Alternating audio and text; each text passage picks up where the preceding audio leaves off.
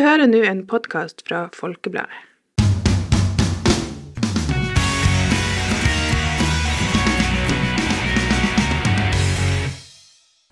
Velkommen til en eh, ny episode av eh, Sportspraten, Folkebladet sin podkast om sport. I dag så har vi med oss en gjest som har uh, jobba litt rundt omkring flere plasser innenfor fotballen. Eh, men i vinter så kom han tilbake til uh, heimlige trakter igjen, da han ble ansatt som sportssjef i Finnsnes IL Fotball. velkommen, Morten Kampevold. Veldig hyggelig å være her. Ja, så bra. Fortell.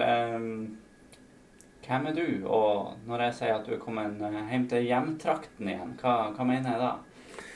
Ja, jeg er vel en fyr på 56 år som kommer fra Senja, fra Kampevoll. Um, ja, hva skal jeg si mer? Kort sagt, jeg har jobba med militæret og jobba med fotball, så det er vel eh, yrkesbeskrivelsen min, da. Og Når det gjelder å komme hjem igjen, så er vel det todelt. Det ene er at jeg har savna Nord-Norge gjennom mange år jeg har tenkt på det lenge og komme hjem. Og så åpna det seg en mulighet i, i Finnsnes fotball. Eh, og de folkene kjenner jo godt fra før, i og med at jeg har jobba der før. da. Eh, og da var veien kort eh, for å komme hjem igjen. da. Ja. Du sier Kampevoll på Senja. Da, hvor på Senja er vi da? Ja, da er vi innerst i eh, Trandivåten. Det er rundt 2,5 mil fra Finnsnes. Så eh, nærmest eh, Nærmeste fotballklubb var vel den til Vesterfjell og omegn idrettslag. Ja. Ja. Um, som jeg sa innledningsvis, du har vært litt rundt omkring. Du har vært eh, utviklingstrener i, i Sandefjord fotball, spillerutvikler i, i Troms fotballkrets, eh, Sarpsborg 08, utviklingssjef Grand Bodø, sportssjef i Skeid, også vært i, i Start og Follo. Um, men det var i, i FIL det starta, på starten av 2000-tallet en gang. Stemmer ikke det? Ja da, det er riktig. Første heldesjobben det var i 2005 og 2006 eh, her på Finnsnes. Ja. Og da var du eh, A-lagstrener? Da var jeg A-lagstrener, men i praksis så eh, hadde jeg en del andre ting også, som spillutvikling. Jeg hadde et arrangement som het, eh, jeg tror det heter Finnsnes Cupen og sånt, og litt, litt sånn småting i tillegg. Ja. Men det var her da liksom at den her interessen for ja, trenergjerningen, spillerutvikling og det her ja, fatta din interesse? Ja, det var noen år før så hadde jeg lyst til å, å, prøve å se hvor langt det, det, bar. Og det var den første heltidsjobben jeg hadde. Da. Så jeg var, jeg var veldig takknemlig over eh, den eh, samtalen som jeg hadde med også den gang Ivar Holand. Ja. ja, for er på en måte slutta der nå. nå. Nå er dere i lag igjen. Ja, det er riktig det. Jeg syns det er et godt miljø. Jeg går godt sammen med han Ivar og de, de, de gutta der oppe. Han Arnfinn og Eilif og ja. ja. Ja. Eh, dagens filtrener han har vel sagt at det her kanskje er siste året hans. Hvis det, I hvert fall hvis man ikke rykker opp. Det er ikke aktuelt for deg å, å ta på deg den der hatten der igjen. Nei, Jeg tenker at jeg er ansatt i en, uh, i en, jobb som sportssjef i tre år, og det er det som er jobben min. Og jeg, jeg tenker ikke for langt frem heller. altså Man, man får ta ett steg av gangen. Men, men, jeg gjør min jobb, og, og, Thomas gjør sin jobb. Ja. Nei, men det er et bra svar, det. Men du er jo litt inne på det her. Uh, du savna Nord-Norge, du tenkte på det en stund. ja, hvis du forklarer litt mer, hvorfor, hvorfor valgte du å, å komme hjem nå? Altså, jeg er jo, jeg er jo en Senja-gutt, da. Eh, født og vokst opp her og spratt rundt i fjærsteinene da jeg var en liten gutt. Og har vel funnet ut at eh, man har vel røtter, og, og, og er her er på en måte har forma meg sjøl som, som, menneske fra, fra starten av. da. Um, og så er det også det at uh, jeg syns nordlendingen er ganske jovial. da. Uh, det jeg liker, og det har jeg kanskje savna litt, når, i hvert fall når jeg har vært sørpå. da Uh, kalle en spade for en spade og liksom helse på hverandre og se hverandre i øynene og komme med en, et, et, lite sleivspark som ikke betyr noe annet enn at man, man er gode venner. Og, jeg føler vel at man er løsere i snippen i nord, og det, det liker jeg, da. Ja, for sånn er ikke søringa. um, nei, det er vel en forskjell på det. Jeg, synes vel, jeg, bodde jo i Oslo de, de, siste to årene, og de er nok mer formelle der. Så, så jeg føler meg friere. Det gjør jeg. Mm. Og så er det jo Jeg er jo født blant, blant eh, fjorder og fjell og eh, holdt, holdt på å si vinter og, og hva skal jeg si, ordentlig naturlandskap. Så det, det, er også fint å komme tilbake. Altså, det er jo, Ulf Lundell hadde vel en sang som heter 'Ja, trives best i åpna landskap'. Ja. Eh, og det er det samme med meg, da. Ja. ja, du sa vel til meg her om dagen eh, at du følte deg nesten som uh, turist på egen hjemplass nå. Du, du angrer ikke foreløpig på at du kom hjem? Nei, jeg syns det er suverent. Jeg, jeg, bruker jo deler av ferien min nå til å være turist på, på Cesenja og kjøre litt rundt. Og med fjordvær har det vært. Og... Ja. ja. Men um, du begynte jo i jobben i, i januar. Um, hvordan kom det i stand? Så du at de eh, skulle ansette en sportssjef? Ja, hvordan var den prosessen til, til du ble ansatt? da? Jeg ble ringt opp og spurt om jeg hadde lyst til å være en av kandidatene. Og I starten så var jeg litt skeptisk, for at jeg hadde vært ute av fotballen i fire år og anser meg sjøl som, som, ferdig med det. Ja. Men jo mer jeg tenkte på det, jo mer trigga ble jeg av det. Både i forhold til klubben, som jeg kjenner godt, og også det å komme, komme hjem igjen. Så det var to fly et smekk, da. Mm. Men du måtte tenke, tenke, litt over det? Tenkte litt over det, fordi at eh, jeg har jo noen år med fotball, og jeg vet jo hva det er for noe, både på, på godt og vondt, for å si det sånn. Så, så eh, jeg tenkte litt på det, men, men, eh, det var ikke noe tvil når, eh, når jeg først hadde tenkt ferdig. da. Nei. Eh, fire år utafor fotballen, da. Da var din forrige Det var din Skeide. Stemmer det. Ja. Eh, hvorfor havna du ut av fotballen igjen, og, hvorfor følte du deg ferdig med det, som du sier? Jeg tenker vel at fotball er en altså, det er en drøm å jobbe med fotball, for det, det, er hobbyen. Det, det, er veldig artig å kunne sitte på jobb og, og tegne taktikk til neste kamp. og litt sånn. Ja. Så det, det, elsker jeg, da. Eh, samtidig er det en jobb som er veldig grådig, og du, du brenner mye krutt. da. Eh, det er også en jobb som, eh, som, det er mye mening om. Altså Folk fra, fra hvor som helst kan, kan komme og, og mene ting om deg. Eh, så jeg følte vel at jeg hadde gjort mitt. Jeg var, jeg var litt sliten rett og slett, og trengte en pause. Da Da, da dro jeg ut, eller da tok jeg meg jo fri et, et, par år, da. Ja. Og hva gjorde du da? Reiste? Nei, Da reiste jeg verden rundt. Ja. Eh, Kvitta meg med alt av lån og hadde spart opp en del penger. Og, og satte meg på første og beste fly til eh, Tokyo og Japan. Og det var første, første etappe, da. Ja, spennende. Vi skal vel sikkert mer innom eh, litt reising etter hvert her. Eh, men jeg så da du ble ansatt i, i Finnsnes i, i, januar, så sa du at du, du, så en sånn ny giv der i, i klubben. Hvordan, hvordan, står klubben nå i forhold til da du var her på, for mange år siden? og hvordan har du opplevd ja, klubben utenfra, ifra, ifra sør, de her, alle de her årene? det første, de, de, to årene som jeg var her, det var veldig takknemlige år. Veldig veldig fine år. Det var en veldig samla klubb, og det var en klubb som var veldig organisert og strukturert. Eh, altså Kort sagt så syns jeg det var en veldig proff klubb med, et godt miljø. Eh, så det var veldig veldig fine år, det. Eh, altså, det er jo sett utenfra denne skilsmissen med Varden, og at man er kommet sammen igjen. Og det, det tror jeg er en bra ting. Det er jo ikke så store steder Finnsnes, så jeg tror at jeg tror vel egentlig at vi har nok klubber i forhold til det innbyggertallet som er. Så Sånn sett så syns jeg det var bra at, at man, man, kom tilbake igjen. Mm. Samtidig så vil jeg vel si det at eh, det blir vel å bygge opp huset igjen på på nytt. Det er det. Å bygge det stein for stein. Og det, det som jeg sier om min, min, jobb, og det kan sikkert eh, flere også si om sin jobb, det er å sørge for at eh, den energien som er i klubben, kanselleres eh, i samme retning.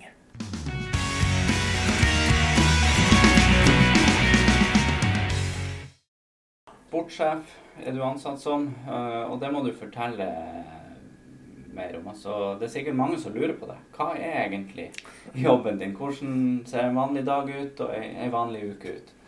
Ja da, det har du helt eh, rett i. Jeg får spørsmål om alt fra vaffelrøre til uh, gjenglemte votter. Men, og det, det, må man ta på strak arm. Men, men, kort sagt Eller la oss se hvor kort det blir, da. Ja. Men for å forklare jobben min, så er det egentlig det er en sportssjefjobb, men samtidig så er det elementer av flere ting i den jobben. Flere jobber. Eh, det første er det å være trenerutvikler. Altså det å møte opp på lagene sine treninger, kamper og være en, en sparringspartner. Eh, den er viktig, eh, sånn at trenerne har, har et sted å, å gå med, med, sine ting, samtidig som jeg kan kunne, kunne komme med mine ting. Ja, og da snakker vi alle lag, aldersbestemt, ja, damer, herrer Alt, alt, fra fem til og med A-lag. Jeg, har vel fått beskjed om å ikke være altfor mye involvert i, i det her eh, damelaget som er sånn 50-50 FIL og FK Senja. Ja. Eh, men også de er inne i forhold til f.eks. trenerforum og litt sånt. Det er de. Ja. Eh, jeg vet ikke om jeg skal fortsette videre? Bare fortsett. Den er god. Eh, det neste det er en, en ren spillutviklingsjobb. Det vil si, la oss si at vi ser på de fem-seks eh, hva skal jeg si, for øyeblikket beste spillerne. Ja. Og så følger vi de opp. Mm. Eh, og det kan være sånne ting som f.eks. Eh, altså, la oss si en spiller som ønskes på A-laget, han ønskes på gutte 17, han spiller på gutte 15, han hospiterer med TIL osv. Så, videre. så det å sørge for at den spilleren får en best mulig hverdag uten at han slites i hjel, eh, fra alle vinkler og kanter, det er lurt. Om man i tillegg har skole og, og de tingene der, så det, og, og det er en ung spiller, så er det kanskje greit at det er noen som styrer de tingene for ham. Det gjør det, gjør det lettere. Mm. Eh, men det er klart at gutten vil sikkert, eller jenta vil sikkert spille på alle lag, men vi må på en måte se hva som er mest hensiktsmessig i forhold til den eh, spilleren. Så det betyr at eh, noen ønsker til noen trenere ikke får gehør, da. Så det er vel det som går på eh, spillutvikling. Og så eh, er det også det her med sportsplan. Det syns jeg er litt interessant, for det er mange som har sportsplaner, fine og flotte sportsplaner, skrevet på den og den måten, og masse farger og tjo og hei. Men eh, altså en sportsplan det skal jo være et, et verktøy for klubben. Og for meg å lage en sportsplan fra fem til og med A-lag, det vil si at det viktigste nå, det er barnefotballen. Eh, og da tenker jeg rett og slett hva vi skal stå for. Og det som jeg tenker når det gjelder barnefotball, hva er viktigst der? Jo, det ene det er basisferdigheter. Basisferdigheten det er de som du bruker til å utføre handlingene dine med. Så altså føring, finting, dribling, altså demping. Alt sånn det må vi på en måte smi til når de er unge. Og det andre det er småbanespill. Og hva får man i småbanespill? Jo, det er korte baner.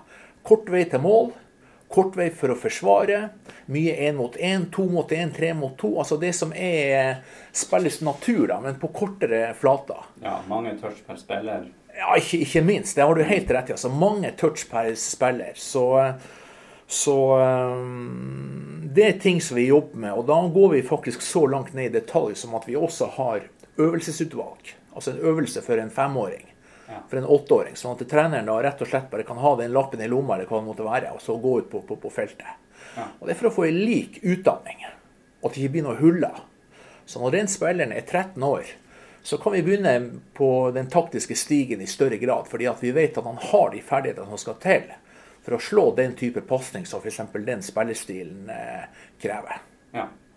Så det er vel det som går på eh, sportsplan. Eh, ja, altså også det med å, å bygge opp en øvelsesbank. Mm. Men det er jo det som høres ut som en litt sånn veldreven klubb. Jeg hører jo f.eks. Bodø-Glimt, som jo har hatt den suksessen de har med, med Kjetil Knutsen, men der er det veldig sånn, etter det jeg har hørt, da, nedover i, i systemet at det er likt. Det er gjenkjennelig ganske langt ned fra, fra A-laget, da.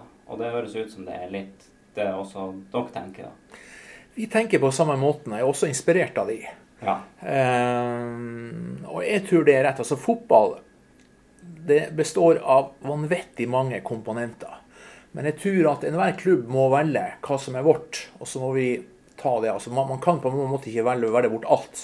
Nei, jeg tenker hva skal jeg si, eh, konsentrere seg om alt. da. Ja. Så vi, vi, har valgt det på den eh, måten. Og så finnes det selvfølgelig andre måter å gjøre det på òg. Mm. Og så nevner du jo eh, i forhold til spillerutvikling fem-seks beste dere har. Ganske mange gutter i, i FIL som hospiterer med og har vært i Bodø, i Tromsø. Eh, og det er de spillerne kanskje du først og fremst tenkte på? Ja, også de, de som er langt frem, eller det, det er de samme spillerne, men de som er langt fremme i NFF-systemet i forhold til f.eks. For regionslag eller ja. kretslag. Så, så eh, det er først og fremst de. Ja. Men det er klart at fotball er ikke, ikke statisk, så, så, tingene kan forandre seg. Spillere kan gå ut, nye kan komme inn. Men at vi eh, kanskje blinker oss ut noen som vi prøver å se hvor langt vi, eh, vi, vi kan komme med dem. Ja.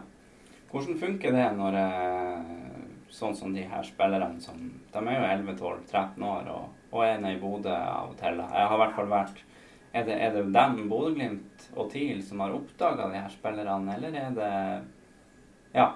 Hvordan, hvordan havna de der? Ja, det, det, her er jo før uh, min tid, da. Men eh, den gang så tror jeg det var på uh, forespørsel fra Glimt og TIL, ja. ja. Men jeg tenker når det gjelder de tingene der, så Ja. en av de tingene som er viktig, det er rett og slett å ha et bra kontaktnett, og at folk stoler på det, det du sier. Mm. Men spillere også i den alderen da legges merke til, da? Ja. Eh, nå, nå føler jeg at vi begynner å bevege oss ut i et litt brennbart eh, tema. Men, men eh, for å ta den ene ekstreme sida, mm. så var jeg på et eh, foredrag under cupfinaleseminaret med, med Feyenoord. Ja. Eh, og de eh, spissa til spillere fra de var fire år. Ja, ikke sant. Feyenoord, nederlandsk klubb, for de som ikke, ikke vet det. da. Ja. Men fire år, ja. Det er det er vel ikke det litt ekstremt? Ja da, det er, det er, ekstremt. Og det som jeg tenker, det er det at uh, jeg, jeg, tror det at fysisk fostring generelt sett tror er bra. Og det kan man gjøre uh, holdt på å si, fra tidlig alder. Men om det er fotball eller turn, eller om det er basket eller, eller ski, eller hva det kan måtte være, det, det, tror jeg ikke er så veldig viktig i, i veldig tidlig alder, i hvert fall. Nei, nei. Det viktigste er vel egentlig at de har det artig. Det, det er jo en klisjé, men det er jo det. Ja, og det, det, tror jeg er helt opp, opp til alle oss. Altså, har, har, det ikke artig, så nytter det ikke at du får så og så mye penger inn eh, i måneden. da. Eh, ja. Og så, tror jeg også det, altså fra de er små, altså det å utvikle det motoriske systemet. Og da kan det være hva som helst. Altså Turn tror jeg er en veldig bra base. Ballspill tror jeg er en bra base. Eh, skidretter er også en bra base på når det gjelder enkelte ting. Så bare det å være i bevegelse. Ja, rett og slett. Ja. Eh, men før du ble ansatt da, i, i, januar, så er det jo en stilling som, eh, som klubben ikke har hatt på noen år før du kom nå. Eh, hvor, hvor, viktig tror du ei, ei sånn stilling er å ha for en klubb på, på denne størrelsen? da? Jeg tror det er jeg tror det er veldig viktig i forhold til det å ha en, en samla strategi. Eh, nå har jo vi snakka om ting, men det, er jo andre, også, eh, andre områder også, som f.eks. kompetansetiltak. Så det å utdanne trenere. Trenerforum. Eh, det med å følge opp toppklubb og NFF i forhold til de beste spillene, sånn at det ikke er Eller hva jeg skal si der Sånn klubben vet hva som skjer med spillerne. At det ikke er sånn at trenere har litt kontakt, foreldrene har litt kontakt, klubben overordna har litt kontakt. sånn at det er eh, man, man snakker med én stemme. Eh, hospitering. Altså hvem skal hospitere opp? Mm. Hvem skal hospitere ut, og hvorfor? Eh, rekruttering. Altså hvordan man skal få inn nye fotballspillere. Sånn som det, det, det tiltaket vi, vi, vi, hadde med, med ja. eh, barnehager. Eh, kontraktsforhandlinger med A-lagsspillere, som jeg har sammen med han Ivar. Så det igjen, altså jeg tror det viktigste jeg gjør i min jobb, det er å sørge for at uh, alt av energi som går på sport, kanaliseres én vei. Ja. At det blir oversiktlig, rett og slett? Ja, rett og slett. Det, det, høres, det, høres, veldig enkelt ut, og i teorien er det enkelt. Mm. Eh, men for å skape en kultur, så, så, vil man nok bruke litt tid. Ja. ja, sånn er det jo ofte. Men hvordan ser det ut på uh, Finnsnes, Senja, Midt-Troms? Jobbes det godt rundt omkring? Det kan jeg for lite om, men det, det vil si når det gjelder Senja, så kjenner jeg jo den klubben litt fra før. og det er bare å ta seg hatten for det de har gjort, gjort spesielt kanskje i forhold til A-laget, som har vært i allnorsk serie i mange år. Og, eh, altså, vi er jo ikke akkurat plassert i verdens navle, så sånn sett så, så er det godt gjort av f.eks. Senja å ha gjort det, det, det, som de har gjort. Eh, og De har også en veldig sterk klubbidentitet, som jeg tror er viktig. Ja. Og Hvis vi ser på eh på deres A-lag, da. Eh, Fjerdedivisjon eh, nå, da. Var jo også på halvnorsk nivå i mange år. Men nå fjerdedivisjon, lokal forankring og stort sett unge spillere. Ligger helt i toppen eh, halvveis. Hvis vi ser sånn på, på stallen der, hvem, Hvem er moden for å ta steget videre der til, til et høyere nivå? For det er vel litt ambisjon at man skal utvikle spillere og så sende dem videre når de blir for gode, eller ja. Ja, jeg tror det er en fornuftig strategi av, av eh, Finnsnes. Altså, man kan sikkert ha noen gode år hvor man er både i tredje og andre divisjon, men, men samtidig så må man stikke fingeren i jorda og se hvor man er hen. da. Mm. Så jeg tror det å, å, kunne få frem eh, spillere, det tror jeg er eh, viktig. Og det kan kanskje bidra også til, til økonomi, da. Ja. Eh, nå skjøt jo Finnsnes gullfugl med, med han eh, Emil. Ja, eh, definitivt økonomisk. og så er det nok ikke Det er nok lettere sagt enn gjort å få en til sånn. Men og det å, det å kunne produsere spiller til f.eks. Tippeligaen og nivå 2, mm. også nivå 3, det tror jeg er fullt mulig. Og det er klart at det er jo litt penger der òg. Ja, og der er det vel noen i dagens tall som, som må kunne klare å ta det steget, tror du ikke det? Ja, det tror jeg, uten at jeg på en måte skal nevne altfor mange navn, så tror jeg vel at det er flere der som, som kan ta steget. Ehm, det som er interessant å se, liksom Det kan gjøres på to måter. Det kan gjøres med at man kommer inn i en toppklubb. Mm. Så man på en måte går veien der frem til man blir fastbødd på et A-lag, som, som, som, jo selvfølgelig er tøft. Og så kan man ta den uh, greia til han Anders Jensen, hvor du på en måte spiller lokalt, f.eks. Harstad, Finnsnes, så går du til Tuil, Plutselig ser du i TIL at du, at du tar den eh, veien også. Mm. Så det er flere veier å, å, å gå der nede. Ja, jeg, tenk, jeg, skulle egentlig innom det litt. Du har jo de som eh, når de eh, ja, slutter og skal gå videregående, da, så velger de MTG eller lignende, kanskje i Tromsø. Um, hva er dine tanker rundt den modellen? Er, det bedre for en spiller å gå den veien, eller kan du bli her som 15-16-17-åring, spille fast A-lagsfotball i, i fjerdedivisjon, eller er det egentlig ikke noe fasit her? Uh, ja, det er et godt spørsmål. Ja. Det er det. Uh, det som jeg tenker, det er at uh, det fins flere, flere, veier til Rom. da.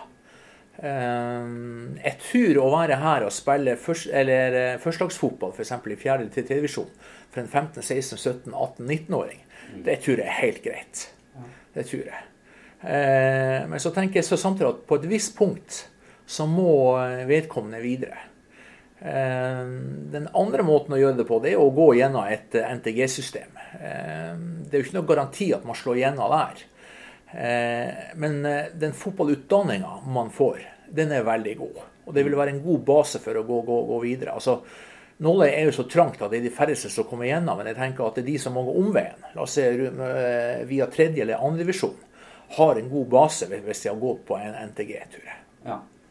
Så, så, jeg vil på en måte ikke kategorisere ting og si liksom at det er veien, det er ikke veien, det er halvveis veien. Ja. ja øh, men hvis alle skal gå denne NTG-veien, da, øh, går det utover lokalfotballen? Altså i fjerde divisjon, f.eks.? Ja, det tror jeg definitivt. Jeg tror øh, For et sted som Finnsnes så tror jeg nok det er alfa og omega at man har et A-lag som presterer bra. At det er en del unggutter her. Mm. Og jeg tror for Tromsø sin del, som er nærmeste toppklubb, så er det lurt å tenke hvem man skal ta, når man skal ta de. Ja.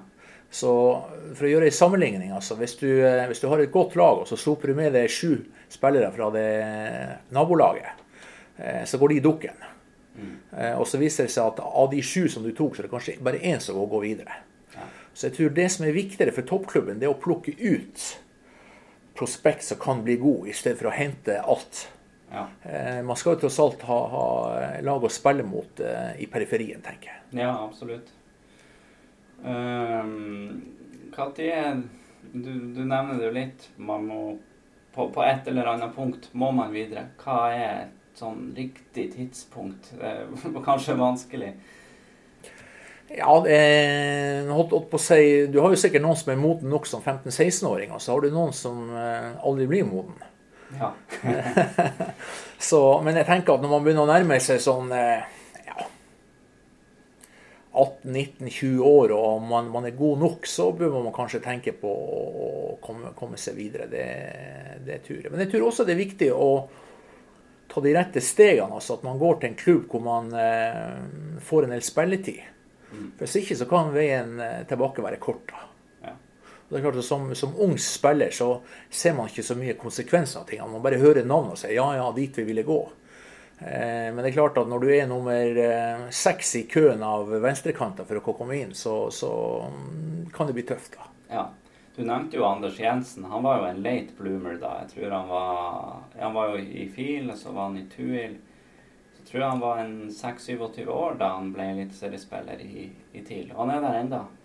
Ja, så, så jeg mener at det er et godt eksempel. Og hvis vi i nord er obs på den veien å gå, Mm. så tror jeg vi kan få flere av sånne eksempler. Det, det tror jeg.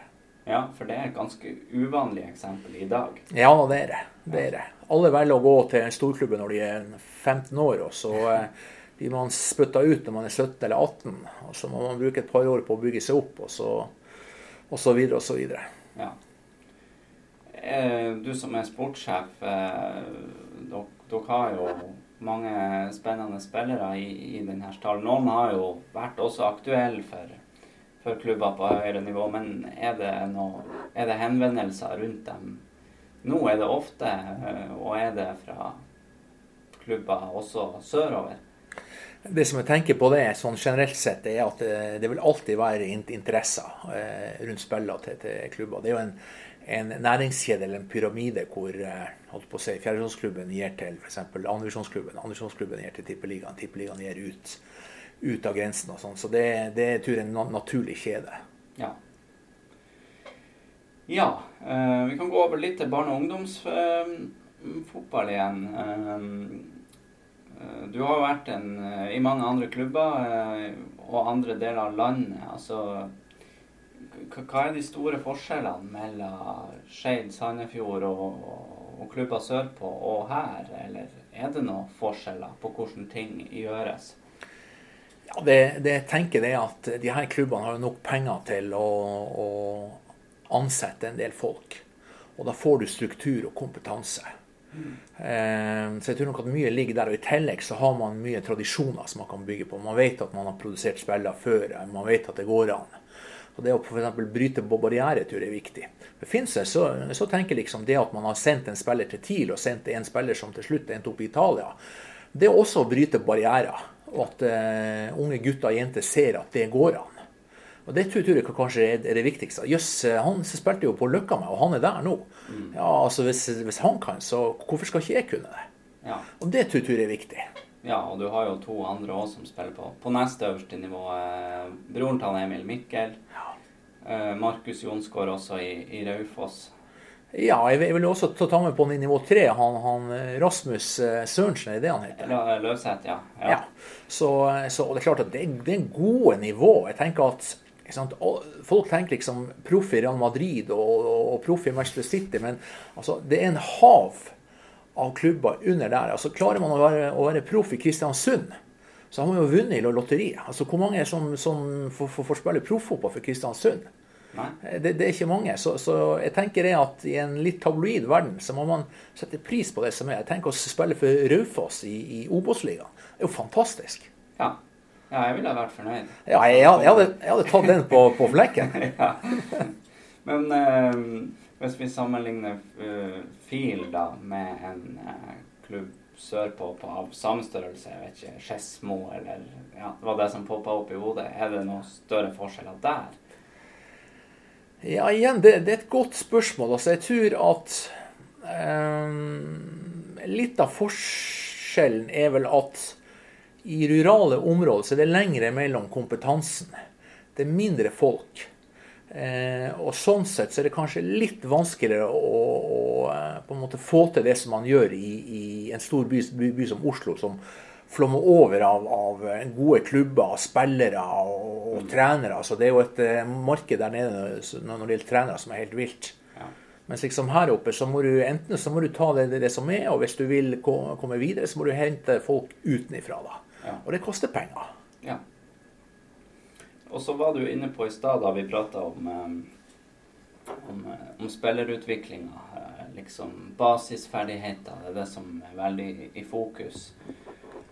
Hvis vi ser på det perspektivet, da, hva man lærer spillere nå kontra 15-20 år siden, eh, Er det store forskjeller der? Vi ser jo f.eks. at keeperrollen nå har blitt veldig forandra. Du, du, er nødt til å være god med beina. Det er til ikke bare å være god og redde skudd.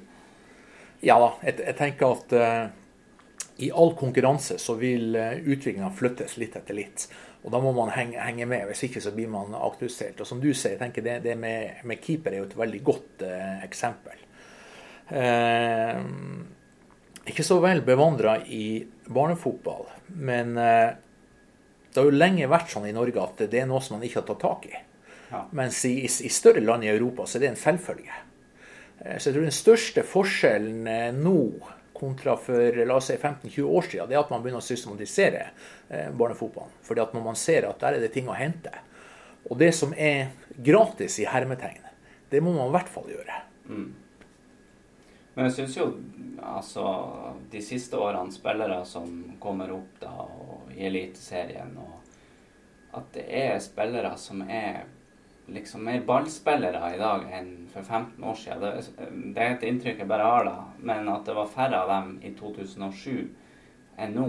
Eh, og at det kanskje er veldig mye ballspillere nå. Nesten alle er gode med ballen. ja, så det holdt på å si, det der er et interessant uh, lerret å bleike. Det, det jeg er at uh, det satses nok mer på de unge, at de skal få gode ferdigheter. Så der har du en del av forklaringa. Mm. Så tenker jeg også det med, med kunstgressgenerasjonene. Ballbingene. Ja, ballbingene og kunstgress. Ja. Altså at, de, de, eh, at, det er med å, å, påvirke. Men så er det også sånn at eh, man hadde jo en periode i forbundet hvor eh, man nesten bare dyrka frem de her ballspillerne, vi skal si det. altså God med ball, basis, eh, slå pasning ut, timing på pasninga ut osv. Så, videre. så du fikk bare sånne her eh, finspillende midtbanespillere. Ja. Eh, og det jeg tenker det, det er at du må dyrke rolle. Fordi at en sideback han har andre oppgaver enn en indreløper. Mm. En møtende spiss har andre oppgaver enn en midtback. Så det å dyrke rolle det er også noe som vi litt etter litt tilnærmer oss, også i Finnsnes. Ja. Ja, for det var egentlig det jeg tenkte på. Det, det, det var i hvert fall en periode veldig mye sånn her en, en playmaker-type. Det var nesten overflod av, av dem. Ja. Så jeg, jeg, er enig med det. Så man må, man må ja, Kanskje Norge forelska seg litt i den spillertypen siden man ikke hadde mye, mye av det. Men man må evne å ha flere tanker i hodet, tenker jeg. Mm. Ja, så hadde man jo selvfølgelig eh, ja, de her Spania-lagene som vant tre mesterskap på rad. Så det var jo den type spillere at man kanskje så litt dit, og så ble det litt mye. Ja, jeg er enig i det. altså. Tikki Taka er selvfølgelig vakkert, og det er vakkert å kunne vinne VM med det. Men, men, jeg tror ikke det er alle sammen som kan gjøre det. Jeg tror ikke Luxembourg eller, eh, eller Bulgaria for den saks skyld klarer det på den måten. Så Derfor så tror jeg man må dyrke det som er spesifikt for det området man kommer fra. Ja. Ja. Um, en annen ting som uh, jeg føler ofte på et eller annet tidspunkt uh, blir en sånn debatt, uh, og har vært mange ganger med jevne mellomrom på barne- og ungdomsfotball, det er jo det her med topping av lag. Hva, hva, er dine tanker rundt det? Hvordan, ja, hvordan er det annerledes andreplass enn en her? Ja, det kan man definitivt si. Her er, her er det mye krutt. Ja. men det som jeg, vil si, det er at jeg syns debatten i Norge den, den blir feil. Eh, fordi at alle har en mening om det. Eh, og da blir det veldig sånn dualistisk i forhold til topping eller ikke topping. altså Fotball er jo et fag. Og jeg tror det å respektere de som jobber med fotball, og stole på at de gjør jobben, det tror jeg er viktig. Eh, det blir jo nesten som at jeg skulle komme inn på kontoret til, en, eh, til et advokatfirma og si det at eh, nå skal jeg fortelle deg hvordan du skal gjøre jobben din her.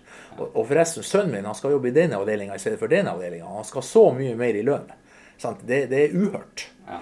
Så jeg tror at de som er fagfolk, det bør man lytte til. Mm.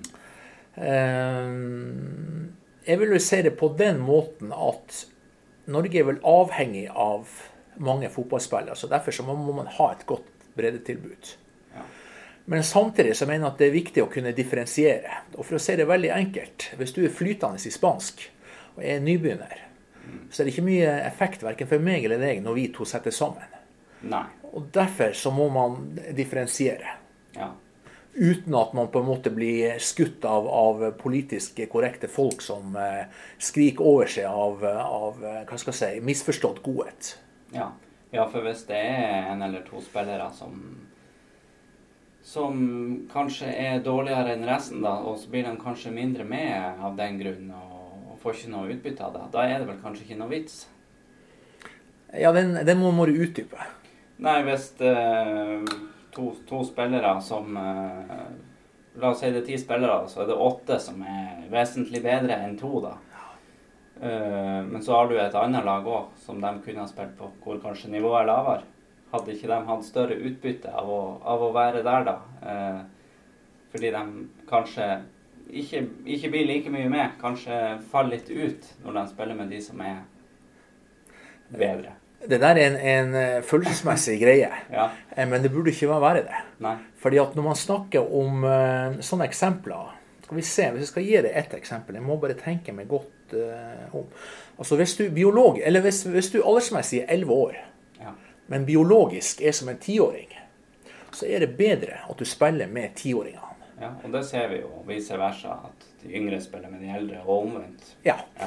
Eh, men det er, som, det, det er såpass betent det her liksom, at med en gang man på en måte blir satt ned, så er det liksom Det føles nesten som et nederlag og skam. Og, og, altså selv om alle sier at resultatene ikke teller, så, så virker det sånn at når, eh, når alt kommer til alt, så, så, så, så teller resultatene likevel. Og det, det er jo ikke riktig på, i, i, i barnefotballen, syns jeg. Nei, nei. Så derfor så, Det å på en måte se hvor spilleren ligger an, både biologisk, ferdighetsmessig osv. Det betyr ikke at man på en måte skal eh, Hva skal jeg si eh, Skille klinten fra hveten der.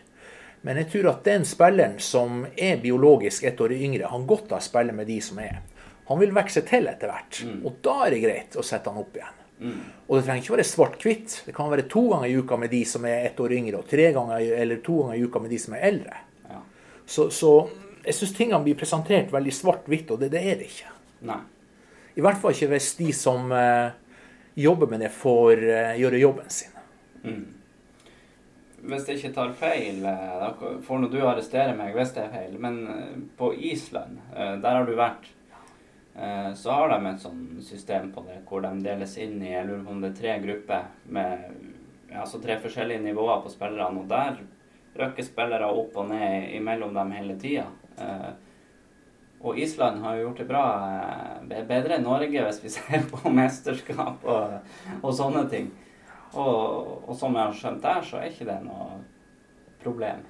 Nei, altså, holdt på å si eh, Det systemet der, det er vel egentlig overalt i eh, Europa og også Sør-Amerika, vil, vil jeg si, hvor du på en måte kan gå mellom nivåene. Og så syns jeg kanskje at Norge, og kanskje Sverige også, skiller seg litt ut med at man skal være veldig politisk korrekt der. Ja. Men, men eh, jeg er jo tilhenger av, av et sånt system. Eh, Men det må forklares på en riktig måte. Og igjen, eh, de som jobber med det, må, må få lov å gjøre det som de, de skal. Uten at det blir veldig sånn politisk ukorrekt og, og oppslag i avisa, de, de, de tingene der. Eh, Men jeg er helt enig. Altså, det tror jeg er den beste måten å gjøre det på. Mm. Og der nede har de vel også fotball direkte, altså inn i, inn i skolen, har de ikke det? På Island? eller? Ja. Ja da, det er riktig det. De har eh, avtaler med, med skolene. Og så har de bedre økonomi, fordi at Nå er det mulig at det er du som arresterer meg, men jeg mener det at det, det, offentlige betaler for anlegg. Ja. Sånn at eh, klubbene har ikke den utgifta. Og da kan de f.eks. ansette trenere. ja det Også, skal stemme, ja. ja, også ned ned i barnefotballen. Mm. Eh, og det er jo genialt. Ja. Det er jo rett og slett genialt. Mm.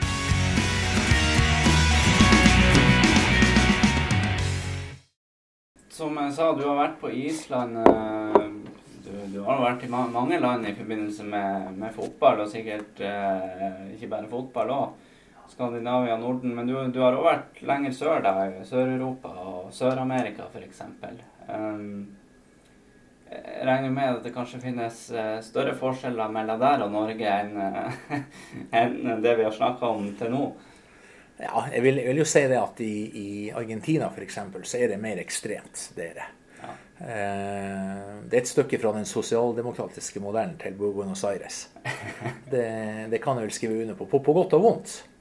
Eh, en ting som jeg la merke til, det er det at eh, Jeg er selvfølgelig litt oppe i systemet, men de hadde et veldig godt fysiologisk apparat Okay. i forhold til restitusjon og de tingene der. Mm.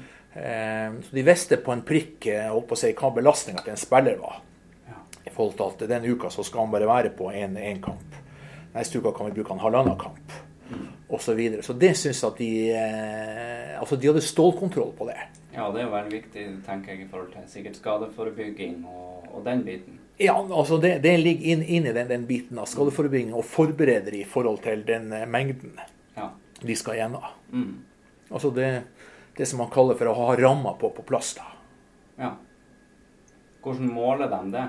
Altså Nei, ja, de, de har jo eh, en teknologi som, eh, som er et stykke over det som, eh, som vi gjør her. Så sånn sett er det jo mye, mye lettere.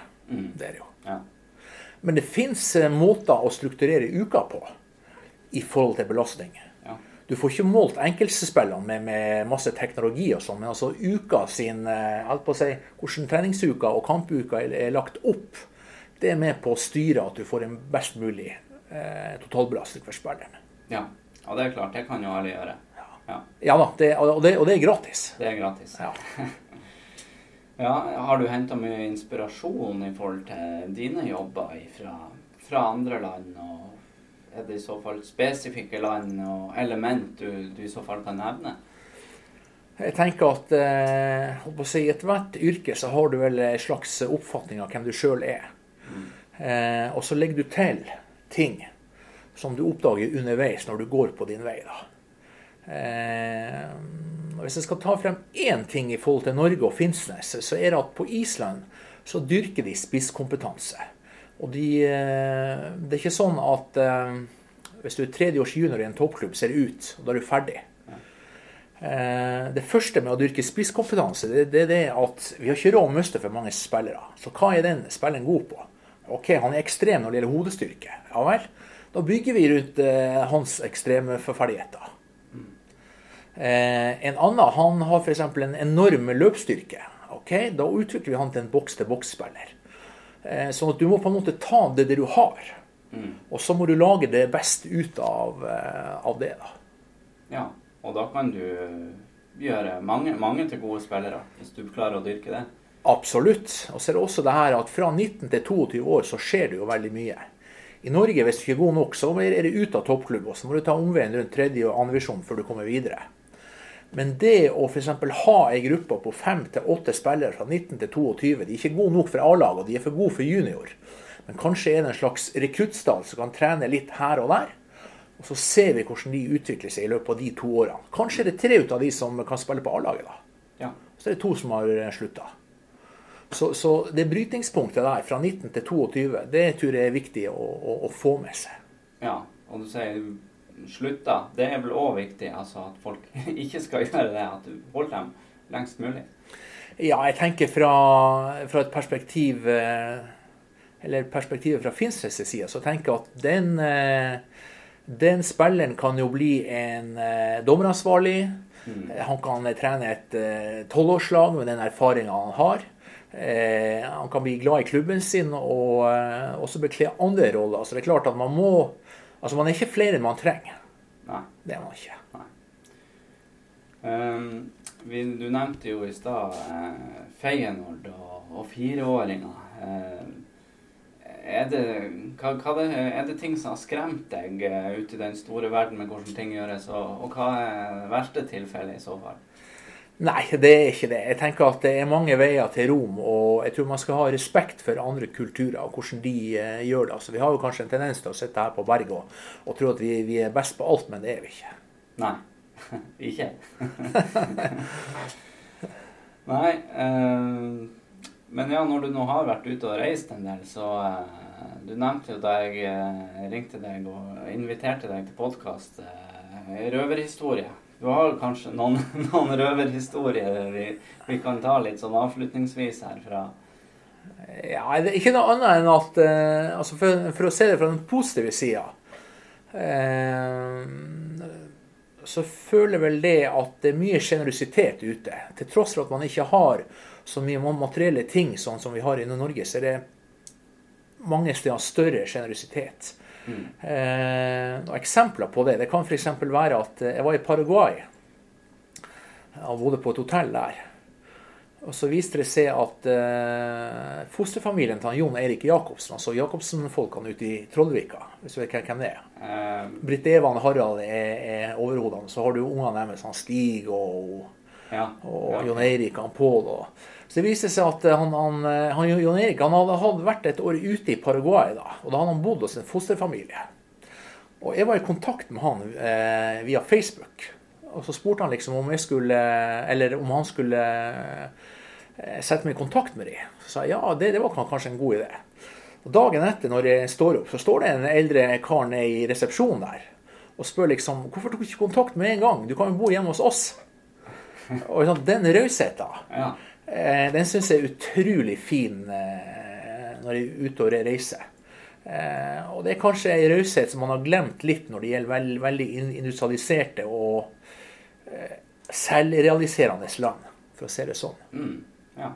Det å ta vare på, på hverandre, det, det, det smelter mitt hjerte, da. Ja, det ser man i mange land òg, sånn i forhold til rett og slett høflighet og sånne her ting. Er veldig annerledes i mange land enn vi har det her hjemme.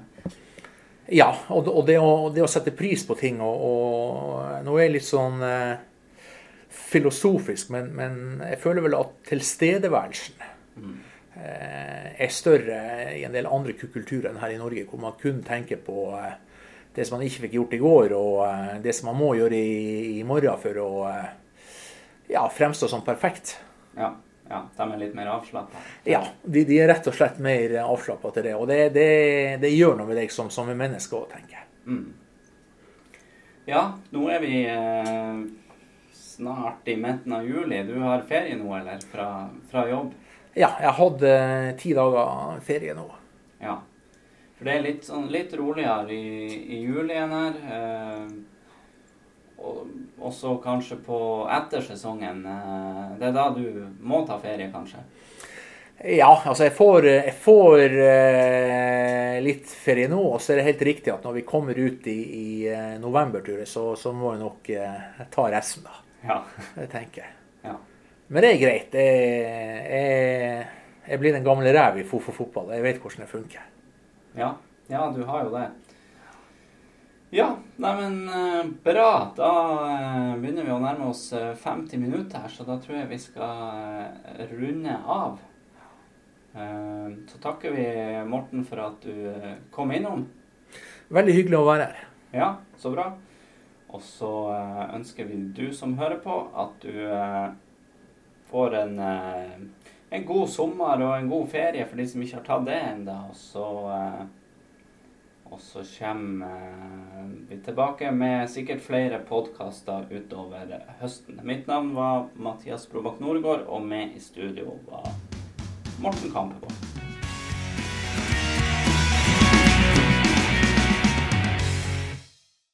Du har hørt en podkast fra Folkebladet. Sjefredaktør er Steinulf Henriksen.